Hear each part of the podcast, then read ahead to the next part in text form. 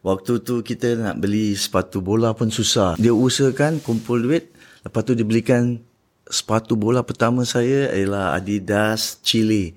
Tapi itu melalui apa oh. tu ansuran installment. Oh, boleh so, uh, waktu dulu, dulu boleh. Sebab tu saya terharu sampai sekarang. Uh, dia usahakan je. Ya.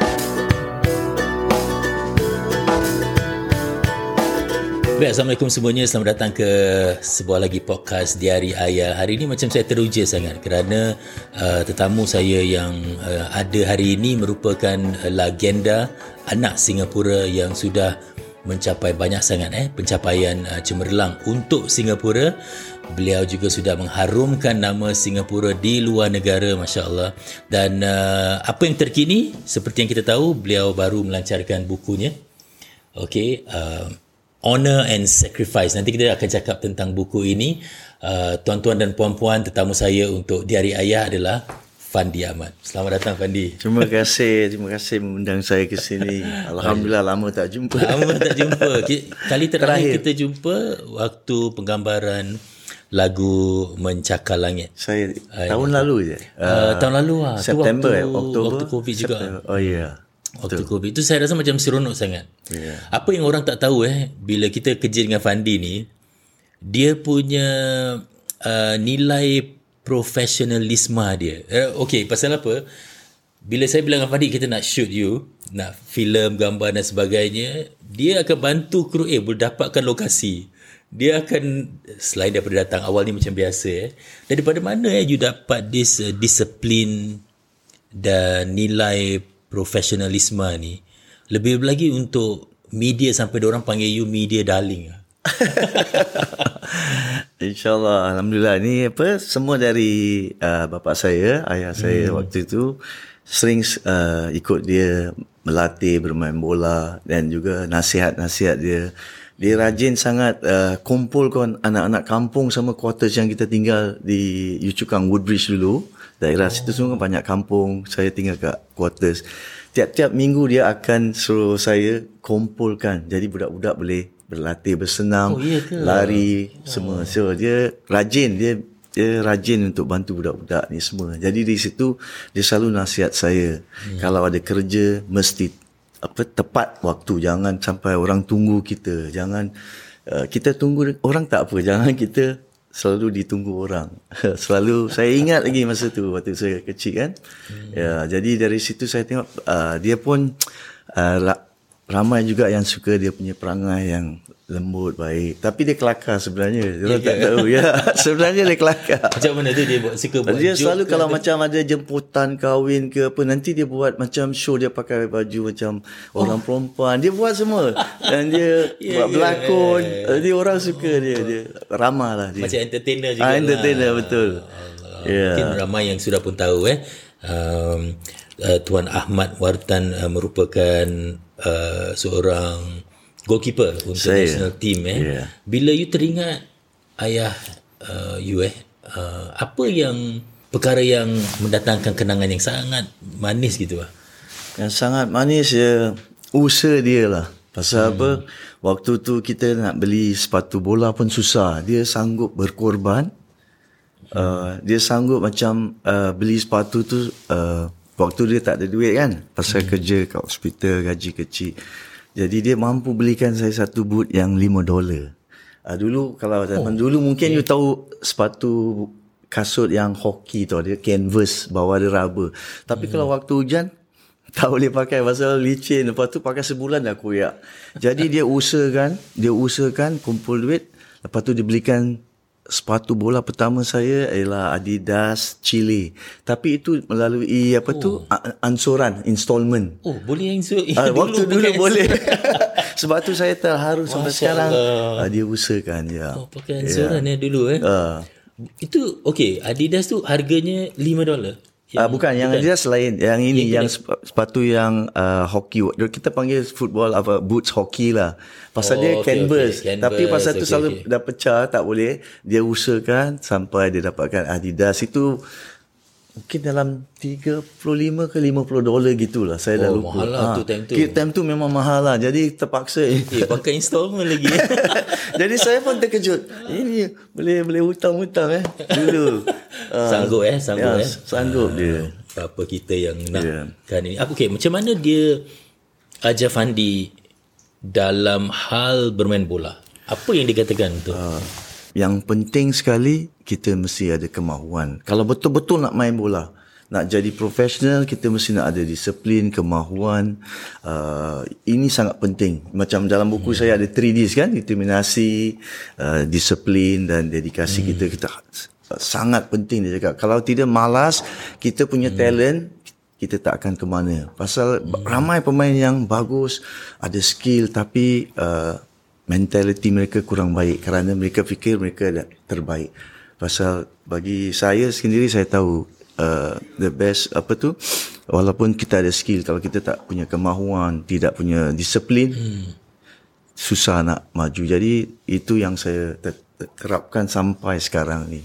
Saya teringat dengan kenangan bila uh, Fandi beritahu saya sebelum kita rakam ni tentang dia ada satu game dia main dengan friendly match dengan England yang yeah. you tak dapat ikut tu. Saya Ceritakan saat tu. Itu waktu saya saya tak ingat umur berapa tapi saya tahu saya masih muda. Mungkin 71 72 tahun tu lah. Hmm. Mungkin 9 10 tahun mungkin. Uh, waktu tu hari hujan lebat. Singapura hmm. bertanding persahabatan dengan pasukan England. Jadi Wah, kita bila dengar budak-budak dengan nama England, alamak mesti nak tengok. Mesti, Jadi mesti. kat Jalan Besar Stadium. Jadi saya apa tu uh, ngecek-ngecek dia lah. Hmm. Bapa nak ikut, nak ikut. Aku tak boleh. Ni hujan lebat. Susah ni. Oh, lama. Lepas tu dia tinggalkan saya. Jadi saya rasa I apa see. sedih. Lepas tu dia pergi main. Saya dengar lah. Main. Kali lepas tu dia balik. Saya cakap macam mana game? Oh parah. Dia orang terlalu kuat. Tak tahan dia orang main tendang. Dia cakap berapa skor? Singapura. Kena 9 gol. saya pun terkejut, saya pun terkejut. Pasal dia orang main shooting lagi bulan apa tu masa tu waktu hujan lebat jadi dia punya shooting semua kuat kan keras. Macam dia cakap dia tak second half dia keluar ganti lagi satu goalkeeper. Itu uh, saya Itu siapa dia punya players waktu oh, yang wakilkan England tu yang itu kalau kita boleh ingat. 70s semua. I think kalau 70s tu Bobby Charlton punya time Oh, kan Bobby itu. Charlton uh, time, eh, eh. Bobby Charlton dengan yang sebelum tu ada uh, Bobby Charlton adik-beradik eh. Tak, Bobby Hmm. Moore dia. Tak, tak salah saya lah pasal tahun tu semua. Diorang tengah lepas menang World Cup 66. Diorang masih main dalam tahun 70-71. Saya rasa mereka masih main. Jadi saya tak Hmm. dapat nonton lah. Lama sedih lah.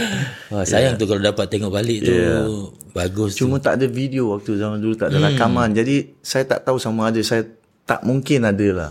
Waktu Hmm. zaman tu lah dengan cuaca yang luar dia, biasa dia. waktu tu. Sayang. Uh, tapi stadium penuh dia cakap. Full house ke jalan Hmm. besar. Cakap pasal video ni, video yang saya ingat tengok adalah video you score untuk Groningen. 83 ke 84, I think you main dekat UEFA Cup. Yeah. Kalau tak silap saya, you score gol yang ketiga. Kedua. Kedua eh? Kedua ya. You pakai kaki kiri eh? Yes, kaki kiri kan? Yeah. Bila you dapat score tu eh, Wah. apa yang Because I saw macam mana you celebrate orang Yeah. yeah. Macam mana you Yeah. Apa agaknya berligar dalam fikiran you Ini telah mengubah hidup you saya rasa Saya pertama kali saya bermain untuk Groningen pasal waktu saya tiba di sana selepas Ramadan hari raya. Jadi saya kurang hmm. aktif kan. Jadi ya, saya ada oh. muscle problem. Lepas satu bulan lepas tu saya training sendiri. Bila waktu bulan Oktober saya main first game sebelum main dengan Inter Milan. Uh, empat hari sebelum game tu saya main lawan Go Ahead Eagles. Hmm. Tapi saya gairah, saya semangat pasal dah lama tak main tau. Dua bulan saya out. Eh, oh, okay. keluar dari senarai pasal uh, kecederaan. Saya cetak dua gol. Lepas tu saya tak jangkakan saya dapat bermain uh, lawan Inter Milan kan. Pasal itu baru game pertama saya uh, game dengan Inter Milan saya rasa mungkin saya akan main tapi babak kedua ke apa tapi uh, saya tengok nama dalam kesebelasan saya rasa wah ni hari saya, saya akan buktikan sesuatu saya semangat sendiri kan yakin dengan diri sendiri uh, bila saya dapat satu bola tu hantaran hmm. dari Adri Van Tekling ke Rob McDonald saya dah antisipasi insting saya dah tahu hmm. bola akan jatuh sebelah kiri Hmm. Jadi saya terus spin, saya buat satu tendangan. Sebenarnya tendangan itu tak berapa kuat.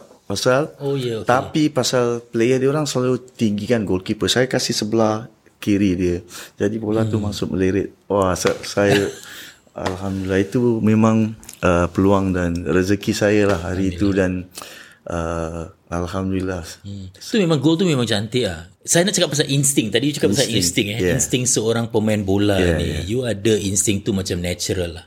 Saya Ini benda insting ni boleh tak kita train kepada diberikan kepada orang lain ataupun Yeah. dia sebenarnya talent. Talent penting, insting tu uh, pasal apa kita tiap kali kita dapat melalui sama uh, apa tu uh, aksi reaksi sama waktu game. Jadi kita dapat mendalamkan dalam fikiran. Sebelum tiap pertandingan saya selalu visualize.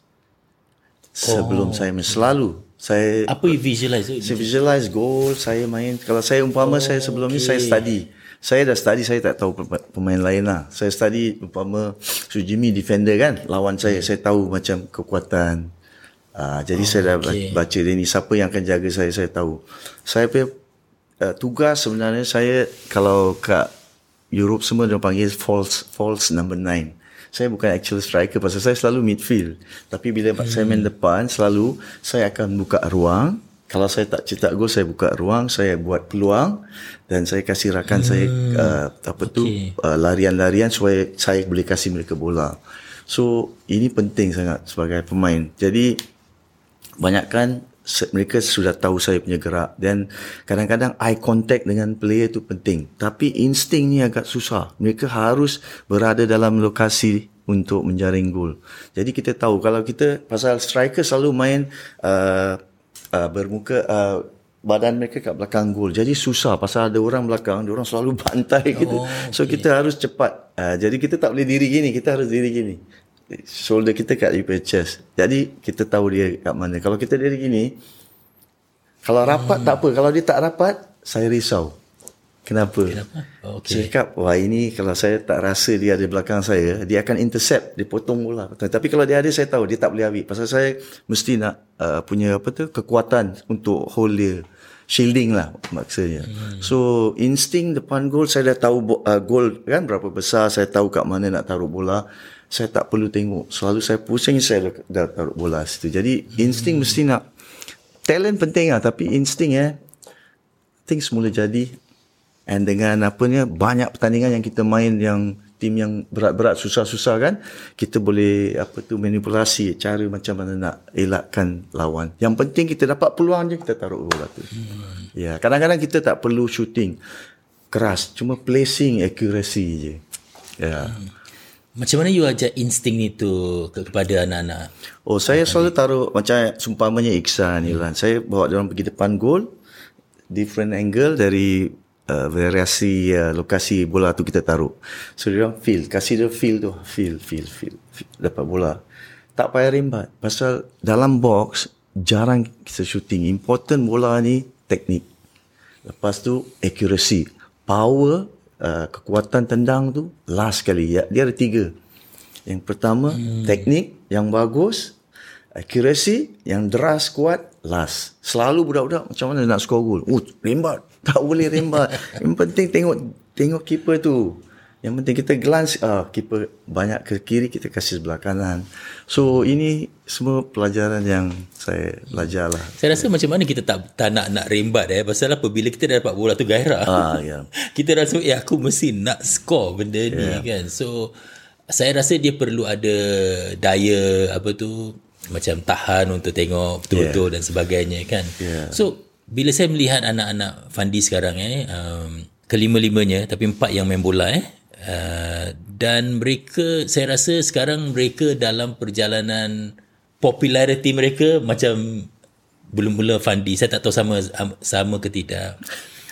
Tapi mereka menjadi popular sekarang. Saya tengok follower yeah. orang dah ramai. Dah ramai sangat eh masya-Allah eh. Adakah ini yang anda impikan? Tidak. Tidak pernah saya galakkan mereka main bola. Mereka sendiri yang oh, keinginan okay. uh, menjadi pemain profesional. Waktu dulu kat Singapura, sebelum kita ber, berhijrah ke uh, Jakarta waktu saya melatih di sana anak saya main bola tapi tak serius Irfan serius tapi Iksan kurang waktu itu dia umur wah masih 9 10 tahun lebih kurang itulah hmm. uh, sejak kita berhijrah ke Jakarta dia main sekolah dia ACS International. Mereka agak uh, sangat suka bola sepak. Dan banyak pertandingan lawan international school semua kan. Jadi dia orang agak rasa bangga dapat membantu pasukan mereka jadi juara. Pertama kali. So kat sekolah tu pun banyak uh, guru-guru dari Singapura dan principal juga dari Singapura. Jadi saya sering juga bantu sekolah tu. So mereka satu hari uh, berkata saya mereka nak jadi pemain profesional. Saya cakap dengan mereka kalau mereka nak jadi profesional mereka harus keluar dari Singapura. Sebab lepas tu time tu dia orang balik dia orang sekolah kat sports school. Tak salah saya lah sports school 2 tahun hmm. saya keluarkan. Kalau mereka harus sanggup berkorban ada uh, motivasi disiplin dedikasi untuk mereka betul berjaya mereka harus keluar cepat. Tapi mereka harus selesaikan uh, uh, perkhidmatan negara national service hmm. uh, kalau tidak yeah. kalau kita keluar lepas umur 20 21 tak ada peluang confirm. Saya nak mereka keluar sebelum mereka 19 atau 20 setidaknya. Seperti seperti saya lah. Saya umur 18 19 saya dah habis saya keluar. So uh, saya dapat uh, tawaran hantar mereka pergi Spain. Uh, mereka bermain uh, bermain dan melatih berlatih di pasukan Hercules Second Division. Tapi saya tengok tidak sesuai. Saya uh, ketemu dengan teman saya yang main dulu. Dia orang Chile kat Indonesia. Dia cakap baik pergi Chile. Tempat bagus sekali untuk pembangunan. Okay. so saya usahakan lah cari sponsor sikit wang sikit uh, bantuan dari beberapa orang kan. Kita hantar dia pergi sana 2 tahun. So Ifan dari umur 16 18 dia dapat kontrak hmm. tetapi dia kena balik uh, oh, okay. urus apa selesaikan dia punya uh, negara Uh, Iksan tinggal seorang sana. Tadi hmm. ini semua mereka punya apa tu uh, cabaran dan mereka punya uh, uh, pengorbanan lah. Pasal tinggal jauh dari family, hmm. dia rasa sanggup tak uh, selama dua tahun ya. Lepas tu setahun lagi Iksan seorang. Hmm. So mereka punya keinginan tinggi dan saya tahu saya galakkan pasal saya tahu saya dah lihat mereka waktu di Indonesia mereka boleh main dan mereka punya keyakinan dan kekuatan mental. Kalau tidak, saya tak akan hantar. Hmm. Saya nak apa tu sarankan pada family-family semua yang punya yakin dengan anak mereka sendiri yang ingin kemahuan.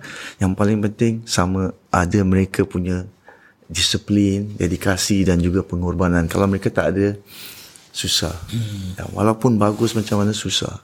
Tapi yang penting sama ada mereka boleh buat pengorbanan untuk masuk cepat tak national service. Hmm. Yeah. Saya rasa kalau untuk keluarga-keluarga lain lah eh, saya tak tahu macam mana mereka boleh dapatkan peluang tu. Tapi bagi Fandi kerana Fandi boleh bimbing mereka dan yeah. you dah ada network. Kalau family-family lain kat Singapura mungkin orang hmm. cakap, eh anakku hmm. okay boleh main. Yeah. Mental strength ada, talent pun ada. Apa yeah. yang boleh mereka lakukan? Lagi, eh? saya pernah uh, ada beberapa family yang ketemu saya lah tanya macam mana nak uh, kalau anak saya betul-betul minat saya cakap saya tak tahu anak awak tapi yang paling penting awak yakin dia punya keinginan pengorbanan disiplin semua cukup kalau dia betul bagus saya nak lihat dia saya lihat hmm. dan saya tengok okey saya boleh boleh buka pathway saya ada kontak hmm. saya boleh bantulah. Tapi uh, yang penting anak itu sendiri. Sama ada nanti sampai sana dia punya keyakinan diri macam mana. Boleh tak? So penting mereka harus uh, keluar campur. Dengan jadi mereka tak tak rasa apa tersendiri kalau nanti di di luar negeri. Yang penting mereka punya keyakinan. Kalau nak pergi trial semua boleh mungkin tak boleh semua kita takut nanti separuh jalan mereka stop. Uh, jadi kita tak okay. nak merugikan keluarga. Betul, betul. Yang penting ini hmm. kita mesti nak sihat dengan baik lah. Ini yang menarik yang you katakan mereka kat sana sendiri uh, mesti pandai bawa diri. Betul. Kan? Ya. Yeah. Apa yang anda nasihatkan selalu dan apa yang perlu mereka ada macam anak-anak you semua sendiri kat sana dan you ingatkan cabaran apa sebenarnya yang boleh yeah. menduga orang punya yeah. Pendirian kat sana tu? Uh, pergaulan sangat penting. Bila kita sampai kat sana, pergaulan dengan tim mereka tu, pasal apa tu ke, kelebihan Irfan Iksan, mereka sekolah. Ah, okay. mereka bersekolah jadi dia banyak kawan. Banyak kawan dia yang kena uh, belajar bahasa. Uh, okay. Macam orang mereka boleh bahasa Spanish lah. Dulu sekarang saya tak tahulah. Waktu saya di Holland, bulan pertama, uh, tiga bulan pertama saya ada uh, tutor datang tiap-tiap minggu. Oh, okay. Jadi lagi pun saya dapat saya syukurlah ada teman saya uh, uh, Bino bapa dia waktu uh, bantu saya mencarikan tempat tinggal dengan orang Indonesia saya sewa lah. Hmm. Jadi di situ mereka selalu ajar saya cakap baca baca koran uh, surat khabar. Saya selalu tengok TV news. Jadi saya hari-hari dengar bila saya pergi Padang saya boleh berbual dengan kawan saya. Jadi oh, okay. jadi uh, jadi itu yang penting pergaulan. Uh, jadi dengan budak-budak Groningen sana semua baik dengan saya. Tapi saya pun ter, terperanjat juga waktu zaman tu tak banyak orang yang uh, bahasa Inggeris. Hmm. Uh, jadi saya pun terpaksa belajarlah dengan tutor tu tiap-tiap minggu. And then kadang-kadang lepas training malam saya dah habis training ni. Ni hmm. balik tengok dah habis makan semua nanti budak-budak daerah situ tinggal dengan saya ajak saya main street football. Saya main lah oh, okay. uh, jadi saya kenal budak-budak tu. Sampai sekarang kawan berkawan dengan saya nama dia Chaki ya. dia dalam buku dia tu oh okey uh, okey okey so. Okey nanti kita akan cakap uh, lebih lanjut lagi dengan uh, apa tu bukan saja dengan Fandi tentang buku ni tetapi dengan penulisnya juga eh. Tentang anak-anak Fandi ni saya tengok mereka di social media ni sangat popular sangat. Uh, upload gambar aja ramai sangat yang like yeah. and all. Ada tak saat-saat di mana online ni betul-betul pasal online ni kita dah akan dapat bila dah popular ni kita akan dapat pujian. Yeah. Dan kita juga akan dapat kritikan lah. Ya yeah, betul. So ada tak situasi di mana social media ni menjadi satu perkara yang mungkin jadi isu ada baik, ada baik, ada tak baiknya. Bagi zaman saya kita semua old school. saya ada aja, saya ada IG lah, FB, tapi hmm. saya tak kendalikan. Oh, okay. Adrian, Adrian. Adrian, ah, Adrian. Adrian tu pengurus eh? Ah, pengurus saya. Dia yang urus. Eh, dia tolong urus saya. Saya kadang-kadang pun susah nak baca juga. Pasal apa? Kita bukan kita pay time.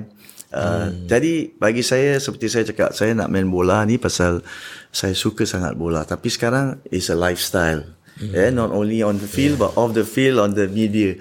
So yeah. bila saya tengok anak-anak saya, wah saya juga wah luar biasa. Tapi saya selalu nasihat mereka jangan terlalu banyak di media. Ya, yeah. pasal apa ada yang baik, yang ada tak baik. Kadang-kadang kita tak boleh terima mm. merosakkan diri kita. So uh, jaga kontrol. Tapi kadang-kadang mereka macam dapat banyak offering untuk advertising. Ah, so okay. okay lah itu. Tapi bagi saya so far mereka punya uh, laman alhamdulillah. Jadi saya rasa happy untuk mereka semua, anak-anak saya. Cuma saya selalu pesan lah berhati-hati jangan hmm. uh, terlalu lama bermain itu apa FB atau Insta. Hmm. Sekali-sekali okey. Kalau orang hantar saya thank you je. Terima kasih hmm. support. Jadi bagi saya selalu pesan you must be humble. Yeah. And you won't stumble. Oh, wow. Walaupun kita Nasihat jatuh pasti tu. ada orang bantu. Ya. Yeah. Hmm. Ya, kalau kita ikhlas ya, insya-Allah. Ya. Yeah. Saya rasa itu yang penting sangat eh. Saya rasa perjalanan UF Fandi eh. Saya tahu ada turun naik. You cakap yeah, pasal betul, jatuh betul, dan betul. siapa bantu. Yeah, yes. Apa yang sesuatu yang ramai orang tak tahu eh. Waktu yeah. yang anda pelajari waktu hmm. ketika ada saat di mana hmm. kehidupan menurun yeah. dan sebagainya. Oh ya, ada masa tu saya memang betul uh, jatuh uh, down betul saya uh, kita important kita solat kita kita hmm. dari Allah. Yang penting kita ada keyakinan diri yang ini semua uh, memang berlaku dalam kehidupan kita. Ada baik ada tak baik ada masa kita tinggi ada masa rendah. Jadi saya terima. Bagi saya saya selalu senyum je. Saya tak nak tak nak bawa saya punya masalah ke uh, okay kerja ke ke lapangan bola ke teman. Uh, ada yang saudara saya semua atau pemain atau saya tahu. Mereka saya tahu saya tak pernah nak tunjuk saya dalam keadaan uh, susah ke keadaan terdesak ke. Saya sentiasa buat kerja saya sebagai seorang profesional saya lakukan yang terbaik. Yang kat rumah kita boleh relax lah. Ya tapi depan orang kita harus kerja usaha. Kita tak nak menyusahkan orang. Tapi kadang-kadang uh, alhamdulillah uh, ada bantuan dari orang yang you know banyak yang bantu kita juga. Hmm. So bagi saya kalau masalah ini kita harus terima, kita try selesaikan masalah sebaiknya kalau kita boleh tanpa bantuan tapi saya rasa susah. Mesti nak ada orang yang akan membantu kita baru kita bangun ada inspirasi. Saya beruntung kerana ramai uh, teman-teman saya yang beri inspirasi, motivasi, jangan putus asa. Itu yang hmm. uh, penting. Jadi uh, kalau boleh kita jadi sebaik-baiknya orang lah. Jadi orang dapat bantu kita masa dalam kesusahan. Ah itu penting tu eh ya. untuk dapatkan saya faham juga lah pasal pun kita juga melalui naik saya, turun eh bisnes yeah. dan sebagainya kita perlukan sangat pertolongan orang eh. Betul. Ha, kadang-kadang ya. dia datang sendiri bukan kerana betul. kita minta. Betul tak Mandi? Betul, betul. Hmm. Ya. Jadi uh, siapa yang rapat dengan anda sekarang dari dulu sampai sekarang? sekarang. Kalau family saya, sepupu saya, um, hmm. adik-beradik saya lah. Tapi hmm. waktu bola semua Malik Kadir you know, dalam dulu semua selalu bersama Malik and dulu David juga main dengan saya. Hmm dan saya ramai kawan lah yang yang rapat dengan saya yang mereka tahu saya punya hmm. sikap uh, perangai terutama Malik lah. Pasal hmm. saya naik sama-sama dia kan? Ha. walaupun saya pergi dulu lepas tu dia datang tapi dia selalu inspirasi motivasi. Malik kelakar dan kadang-kadang seram juga. Apa seram dia tu? Dia kalau buat joke kadang-kadang kita kita tak tak boleh ketawa tapi terpaksa ketawa lah. Oh, itu yang buat seram tu. Saya teringat uh, waktu kita ada buat penggambaran sama-sama you ceritakan yang you dengan Malik uh, waktu training baru-baru tu you tidur dekat Some, uh, kat jalan besar stadium ah, yeah, yeah. Uh, baru uh, kita kembali betul, saat tu sampai betul, macam betul. tu sekali ya. Okey, waktu tu kita semua baru masuk national team lah.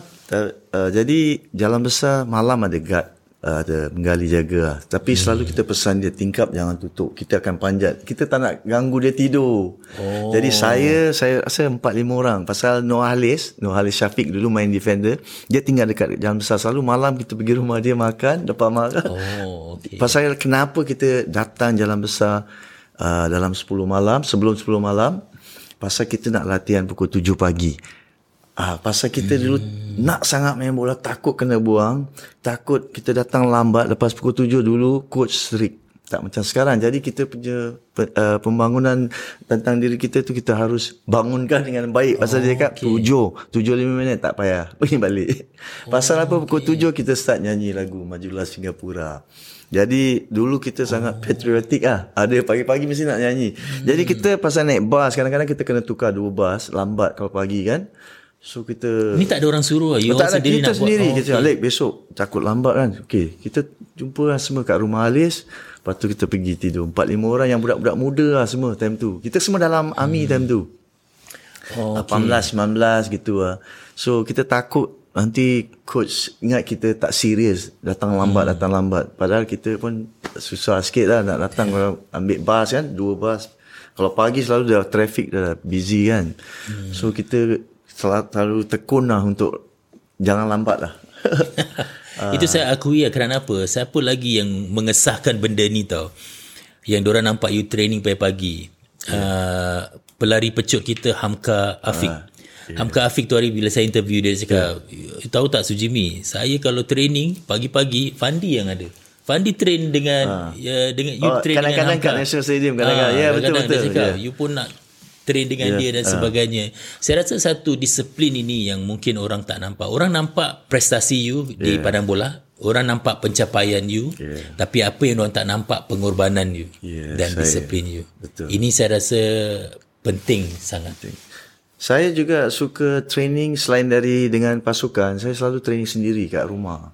Uh, oh, saya tak okay. suka macam menunjuk saya nak training tapi saya selalu secret training lah dia panggil. Oh, okay, Dulu okay. macam saya lepas saya tinggal di kaki bukit uh, tempat uh, ruang nenek saya tak ada weights, saya bikin tu kayu besi macam itu sama cat kan. Cat jadi buat oh. Habis training semua kalau panjat pokok semua kira strength apa. Training hmm. kita lari and then kadang-kadang uh, waktu tu bila dulu boleh bikin rumah semua kan arwah datuk saya tolong saya suruh minta tolong pergi ambil pasir kat kaki bukit saya pakai tu wheelbarrow kan hmm. angkat pasir bawa naik turun naik bukit so okay. exercise bagi saya tu semua uh, tapi kalau suruh sekarang budak-budak mungkin lain lah kan jadi Tapi ini usaha kita lah, pengorbanan kita untuk hmm. keras. Jadi kita selalu uh, usahakan. Dan keuntungan saya dapat 50 sen lah. Dan penting oh ya ke siapa yang kasih uh, nenek saya arwah nenek saya. Eh kau pergi. Berapa eh. berapa trip? Satu trip 50 no berapa trip? 50 sen. Je oh, jadi kita usaha dia. dulu lah. Secret training uh, eh baru kita tahu eh. Uh, saya dengan pasir. Saya suka lari ke atas pasir macam yang gembu yang macam pasir laut tu. Ah, itu oh. kuat untuk kita. Power. Lari hmm. kat bukit semualah. Saya buat sendiri lah. Bapak ajaran dari uh, bapa saya lah. Oh, uh, skipping okay, bagus ya. Hmm, saya rasa tu penting eh. Ya. Yeah. Okey, Fandi, saya nak cakap tentang buku anda ni. Tetapi saya bawa masuk penulisnya sekali boleh eh? Alhamdulillah boleh. Uh, mungkin kita bawa masuk uh, Durga in untuk pengetahuan anda.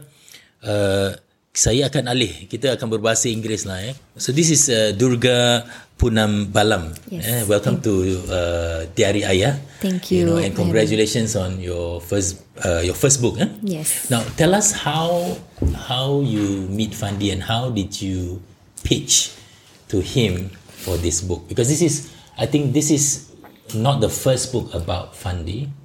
No. You know, uh, yeah. but let us bring us bring us through that process. Yeah. Sure. Thank you for having me. Um, so this book was, uh, you know, um, inspiration for us and an honor for us to really, you know, uh, bring it to life. Simply because you know my my husband is a very big uh, football fan, ardent fan of uh, not just oh. local football. His name is Alan, uh, Alan Ang, mm. and he's a very big Fandi fan. he loves Fandi, you know. Um, so how the idea came about was actually we were taking a walk. so we often take a walk, you know, and okay. uh, he just asked me if you if you were to write for someone here in Singapore and you could put your name on it, you know, who who would it be? And without thought, without question, I just said Fandi. He turns to me and he's like, "Why Fandi?" And then I just said, "Why not Fandi?" All right. I said, you know, he he made he made us all feel like you know we belong to something bigger you know um, than what we are. Right. you know there's a it's a singapore spirit entrenched in local football.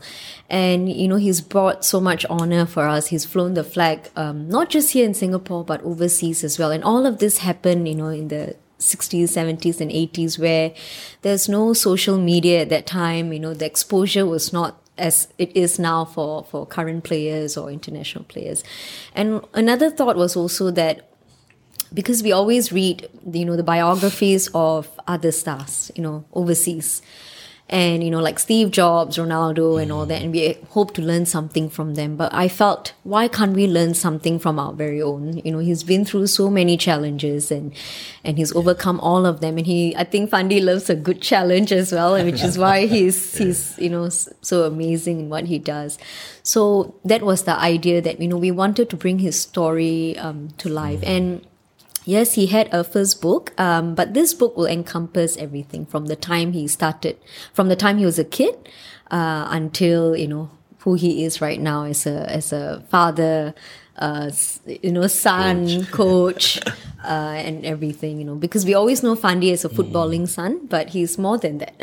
oh yes, yes, definitely. he's more than that. You know, um, and over this journey, you know, I've realized that he's an amazing person as well. So okay, I mean writing about Fandi is definitely obvious, but mm. what is not obvious is your journey with him. Mm. You know, so when she came and pitched to you, yeah. what was? Do you have any concerns or do you have any advice? I, I don't think I have any concern. It's more for me to telling the the, the, the truth about my life story. Mm. So it all started since I was young, very persistent, want to play football, and I told my father I want to play. Uh, football, but not professionally because nowadays there's no professional football. I just love uh, the passion and I always wanted to represent Singapore because like he did and my uncle did as well. Mm. So when I was young, I was determined.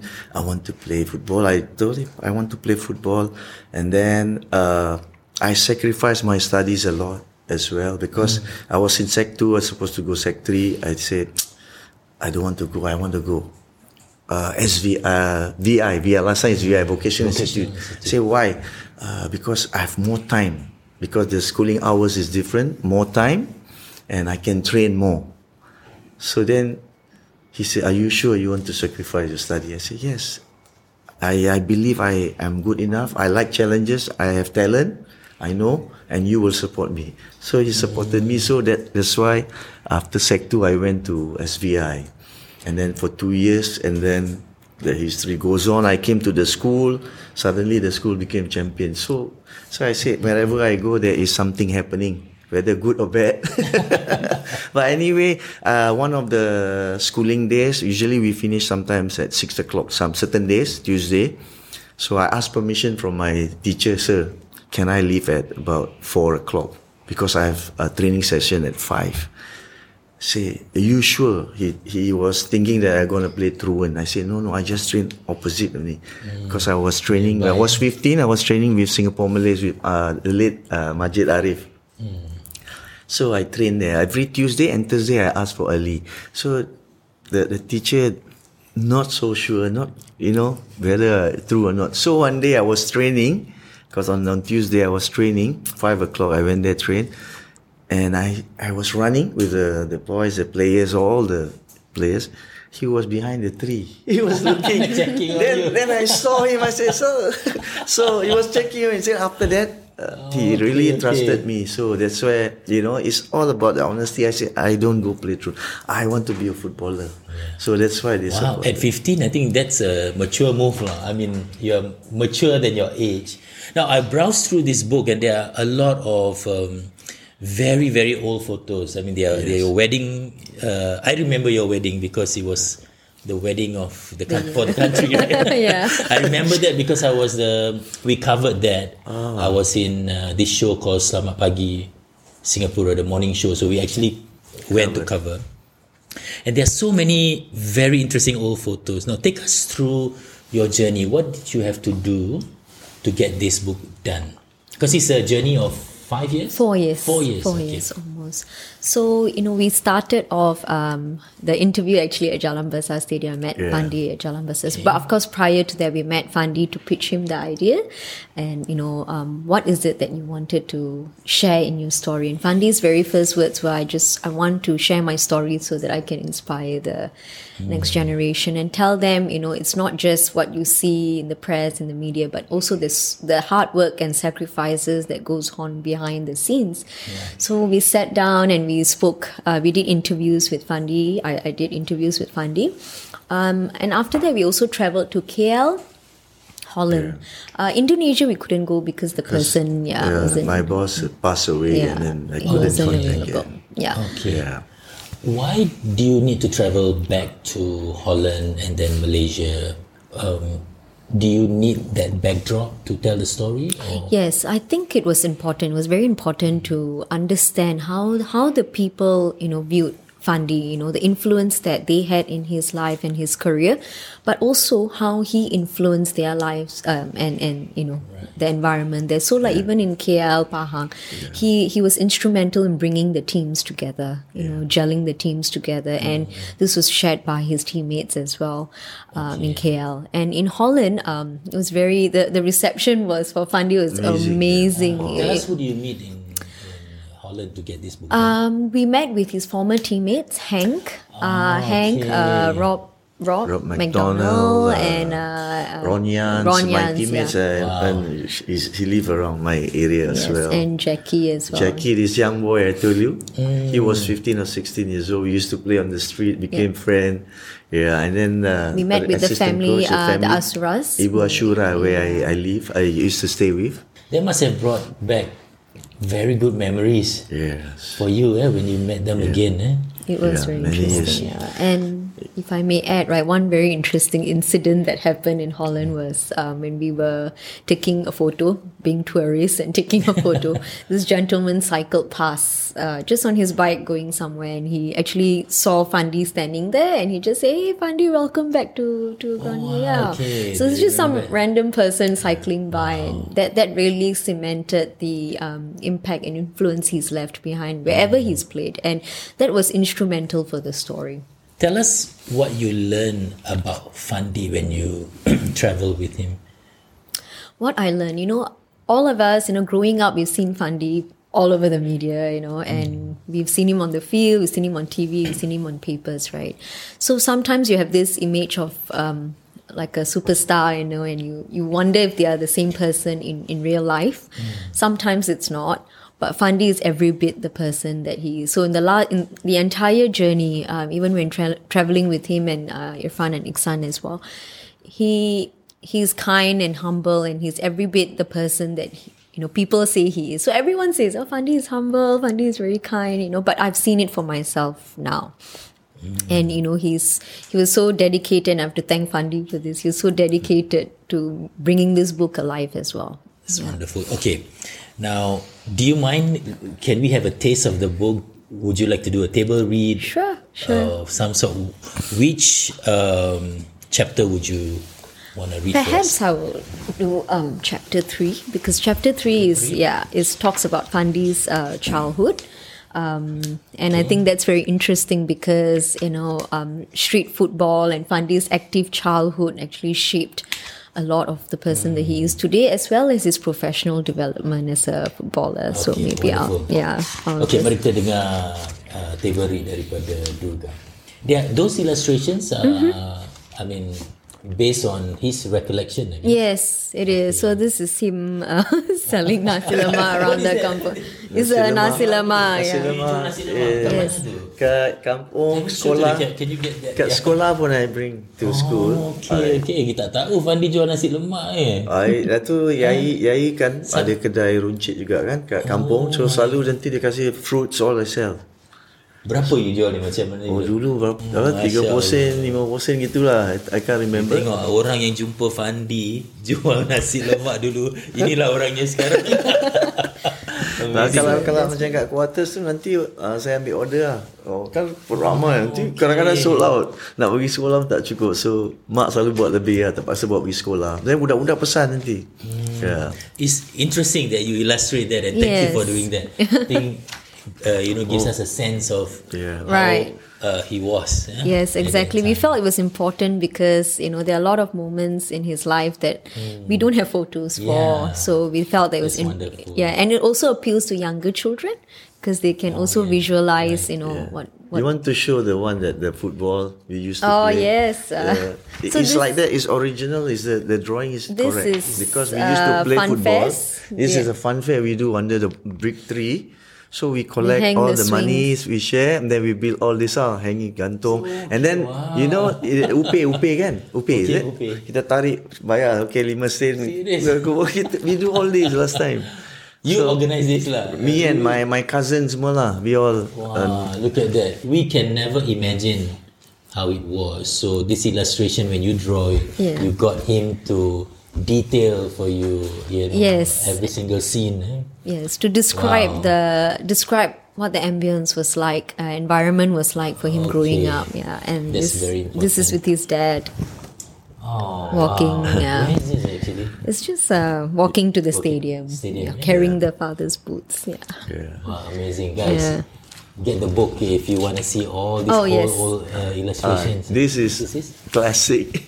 what is this? Eh? Ki- Kiri kanan semua macam rumput tau. So Okay. in the center was the car always Pass by. pass by and then we play on the the street with grass without sand and uh, with sand and then stones all so the the center is the car so whenever when the car passes by we will have our own rules everybody stop tak boleh bergerak jangan tipu so where the ball is we stop so Oh, so the rules lah dulu tak ada referee we Okay, are our okay, own okay. referee but we make sure everybody discipline ah don't cheat interesting, so we stop oh after the car move then we start playing so it's a rules that Oh wow. Okay. Now you cannot do this lah. the cars are faster Yeah, and more. yeah, yeah. Uh, wow, wow. Okay, thank you for that. Okay, let's Sure, hear it. yes, Yeah. Sure. Um, Just. So this is from chapter three, uh, page forty-seven. Creative and daring, young Fandi and his allies had only what their minds could conjure and the limited resources around their kampung. The kids in the quarters gathered every afternoon or evening under a towering tree in front of his house. Fandi and friends were inventive and original in their games. They ran fun fairs every few months and charged children for the rides which included makeshift swings, with ropes tied to a tree and planks that were the seats. They would use the money earned to buy treats for everyone. They also play hantam bola, goli, chapte, skipping, and sepak takraw or foot volley. Other times, they would casually take their neighbor's bicycle for a hmm. spin, making as much noise as they cared for. It is clear where Fandi gets his candid playfulness and charm. He's animated and gets up a few times to reenact certain games, proving that the child in us never truly disappears with age. Wow, that's wonderful. How, where do you get this idea to charge people to come? Because uh, we also need some money to uh, also uh, buy a ball, you know, sometimes. So from that we make some, but we don't charge man, 10 cent, 5 cent, whoever chip in lah, doesn't matter how much we have. The bird shop, the apik will come, always looking for grasshoppers. So we will catch grasshoppers. Oh, So the big one, okay. ah, we catch all our five, six of them will run and chase grasshopper on the grass and catch, and we make our own uh, trap. Yeah? So we run and chase, and then the Yeah, penuh okay, full okay. already, then we You sell sell. it to the. So just to make money. Means you're quite an entrepreneur. Uh, when I was young, yes. young. we also uh, apa Yeah, tu sorry. uh, ubi eh. We tanam ubi inside. Then Hmm. afternoon, after the the the time to makan eh, we always cabut ubi suruh budak-budak perempuan tolong masak uh, bikin apa Oh. asam pedas kita bakar makan. yeah, that's last time is like that. Yeah, our time. Those were the days eh, when Those were the days. buat benda-benda ni yeah, semua. yeah, yeah, Very interesting. yeah. Okay, so um, what would you want people to remember you by, Fandi? Now you have this I, book. seriously, I always uh, I have this in mind. I want to lead a simple life. Yeah, always. Yeah, But your life is not simple. not simple, but but, but ho- hopefully after I hand over the torch to my son, I can Ah, relax a bit. okay, okay. So I mean, people will still uh, uh, looking for me, you know, for help, Right. uh, meeting people, you know, giving uh, advice, motivation. I don't mind that, you know, but I don't want to be much in the limelight. That's I want to be, take care of my family. lah. Talking about you passing the torch and your legacy to your children, kan? I saw a match. I think it was against uh, Malaysia. I think you, your one of your son. Oh, yeah. They beat three Malaysian defenders and he scored. Of course, it's an amazing goal, Yeah. beautiful goal. But what's more beautiful was that his brother, I think it was Ilhan, Yeah. came to him and kissed him. okay, so I mean, among and this is a competitive sports, and they are in the same team and all that. How do you develop that hmm. relationship among your children? Can to be brothers, to be a good sportsmanship, and yeah. Tell us I that. we always talk about the discipline and you know honesty in the family, and we want them to be tied together. You know, whenever you hmm. play, it's always about the team, not about yourself. So when he hugged him, I knew that it was about his team, not about his brother. But I think he's happy he's his brother. But I think the camaraderie as as uh, brothers and the team was so important, that I always advise them. Whoever scored the goal doesn't matter. It's the team is always important. But uh, I'm very happy that they are together. They played, and then they and they are very they love each other. In fact, the three of them are so tight. They go out together, eat together everywhere, and and I'm very happy. Only hopefully. Uh, Irian will join them, hopefully, because he, he's a rugby player before. He was a rugby player before. Now he's coming back because the inspiration that these three has given him. So that's why now he's so motivated. He goes to the gym every day, training on his own, okay. and now he's uh, joining a team to play. So I'm happy, but I don't know how good he is because I've never seen him much in football, only in rugby. Yeah, Rugby. Yeah. Will he let go rugby to play? he let go already. oh, let go already. Okay. so now he's all into s uh, soccer, eh? yeah, yeah. Oh wow, Yeah. wow. Okay, what um what have you learned? I mean, writing. I mean, there's four years of work uh, in in this book. I'm very sure. I mean, coming out with a book is not an easy process, lah. What did you learn for yourself? I learned that, you know, I, I'm not saying this because it's Fundy's 3Ds, but I learned that hard work, kindness, and humility goes a long way. I think, you know, I, I learned a lot from Fundy um, around not just Fundy, but with the family, the children, Wendy. Um, they're all very incredibly strong people. Um, growing up. I mean, the kids especially growing up in the spotlight, and their entire lives have been in the spotlight all these years. And from them, I've learned um, that kindness and humility goes a long way, and it's been a long journey. But from as a as a writer, I for me, it's truly an honor to have done this for for one of our very own. I think it, it was time to honor. Yeah. yeah, talking about honor, that is uh, the theme of the book honor And and sacrifice. Why did you choose that? Um, actually, it was uh, Fundy's, Fandi, Fundy's okay, it was your yes. choice Yes. for the, Yeah. the theme. Okay. Because I've always wanted to represent. It's an honor for me uh, to represent the country. You know, serve the country. Uh, why is because when I was young, uh, when I moved to Upper Janunus Kaki Bukit there, uh, we just live behind. Uh, is Paya Lebar? So every day the flight up down there. I was wondering, oh, how so noisy, cannot sleep. So I was determined two things. First, I wanted to represent Singapore because of the SEA Games that I watched. When in the 70, ti- 1973, Singapore held the SIAP Games, Southeast Asia Peninsula Games. I was sitting behind the goal with my friends. During those days, I think you know, at the SNOC, they sell tickets through the school. And we got the season pass, like $5. We can watch all season, right? So we bought and then we watch lah. So we were talking among ourselves. Then got one brother at the back lah. So we was, hey, how these players are become national team players? We were arguing, talking, talking. Then the abang say, hey, you all must join a club. Slowly from school you play to the club, and then the national you then to the national team. They will select if you are good, they'll sure take you. Oh, okay, okay. That's how I was lucky when I moved to Kaki Bukit. They started the youth tournament, one of the tournament in that area under community uh, centers lah. So Kaki Bukit was looking for uh, players. So my neighbors are all my friends. They play football. So say, Fandi, come play. But I say I only thirteen. Can we play under 16? No, that's why I like challenges. They say I play against the bigger boys, and we became champion. so that's why I started with Well Kaki done. Bukit. And then the important thing, uh, the other one is I always wanted to get into the flight. Uh, okay. So I was uh, determined. And I made it when I was 15 plus. I represented Singapore Malay with arwah Abang Majid. Eh? We went to Indonesia. And then I got a chance to go Russia when I was 16. Russia, 16 about getting the flight. But that one was hectic, man. I've never sat so long in the plane for 18 hours. You know, the uh, Aeroflot, the old flight, and all the stewardess all very big. and then, you know, talking Russian, we don't understand what they're talking. Also.